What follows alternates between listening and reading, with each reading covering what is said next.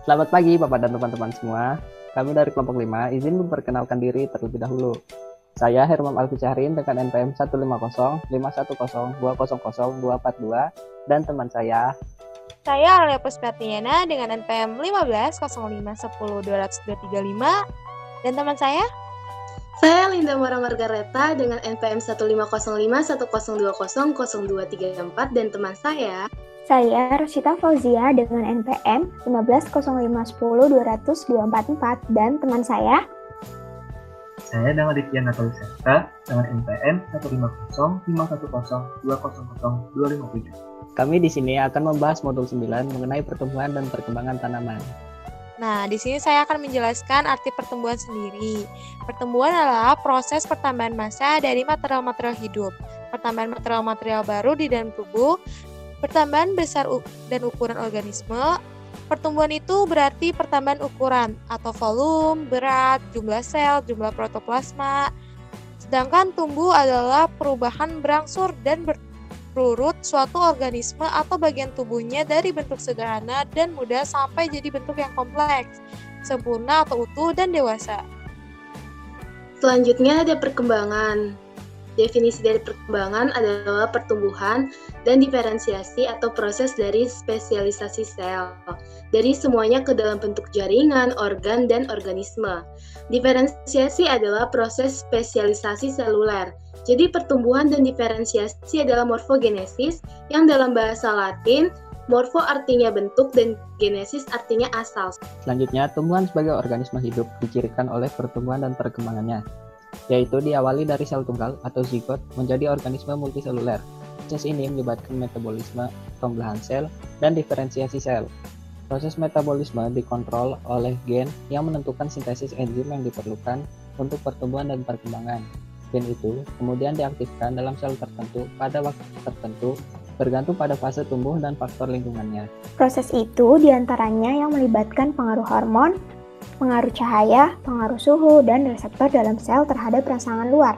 Selanjutnya, di sini itu ada kinetika tumbuh.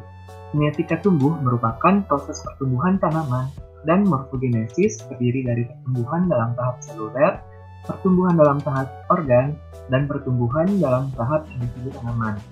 Tahap seluler merupakan pertumbuhan dan perkembangan tanaman didasari atas pertumbuhan dan perkembangan sel tumbuhan. Nah, pada tahap seluler itu ada empat fase, yaitu fase pembelahan sel, pertambahan plasma, perpanjangan sel, dan diferensiasi. Setelah pertumbuhan dalam tingkat sel dilanjutkan dengan pertumbuhan tahap organ, yaitu melibatkan auksin, GA, sitokinin, misalnya pada fototropisme dan geotropisme. Selanjutnya ada pertumbuhan determinat atau terbatas dan tak terbatas atau indeterminat. Pertumbuhan terbatas adalah struktur yang tumbuhnya terbatas menjadi suatu ukuran tertentu, lalu berhenti, kemudian menua dan akhirnya mati. Misalnya daun, bunga, dan buah. Pertumbuhan tak terbatas artinya struktur yang tumbuhnya terus-menerus, misalnya meristem akar dan tunas atau apikal. Selanjutnya, distribusi pertumbuhan, yaitu pertumbuhan dalam suatu tanaman yang tidak seluruhnya didistribusikan ke seluruh organisme, tetapi hanya terbatas pada daerah tertentu. Selanjutnya ada faktor-faktor yang mempengaruhi pertumbuhan secara luas, dapat dikategorikan sebagai faktor eksternal atau lingkungan dan faktor internal atau genetik. Dikelompokkan sebagai berikut. Faktor eksternal di antaranya ada iklim. Iklim termasuk cahaya, temperatur, air, panjang hari, angin, dan gas. Gasnya ada CO2, L2, oksida, Fl, Cl, dan O3. Gas-gas ini sering kali merupakan polutan atmosfer, kecuali untuk CO2, O2, dan N2, dan konsentrasinya dapat cukup tinggi untuk penghambatan pertumbuhan. Yang kedua ada edafik atau tanah, termasuk tekstur, struktur, bahan organik, kapasitas pertukaran kation, pH, kejenuhan basa, dan ketersediaan nutrien. Secara keseluruhan, 16 unsur diperlukan oleh tanaman. Yang ketiga, biologis, yaitu gulma, serangga, organisme penyebab penyakit, nematoda, macam-macam tipe herbivora, dan mikroorganisme tanah, seperti bakteri penfiksasi N2 dan bakteri denitrifikasi, serta mikoriza atau asosiasi simbiotik antara jamur dengan akar tanaman. Faktor-faktor yang ada di bawah pengendalian genetik yang berpengaruh terhadap hasil panen sangat banyak. Hanya sebagian kecil dari faktor internal. Di antaranya yang pertama, ketahanan terhadap tekanan iklim, tanah, dan geologis. Yang kedua, laju fotosintetik. Yang ketiga, respirasi. Yang keempat, pembagian hasil asimilasi dan nitrogen. Yang kelima, klorofil, karotin, dan kandungan vitamin lainnya. Yang keenam, tipe dan letak meristem. Yang ketujuh, kapasitas untuk menyimpan cadangan makanan. Yang kedelapan, aktivitas enzim. Yang kesembilan, pengaruh langsung gen. Contohnya heterosit dan epistasis. Dan yang terakhir yaitu diferensiasi.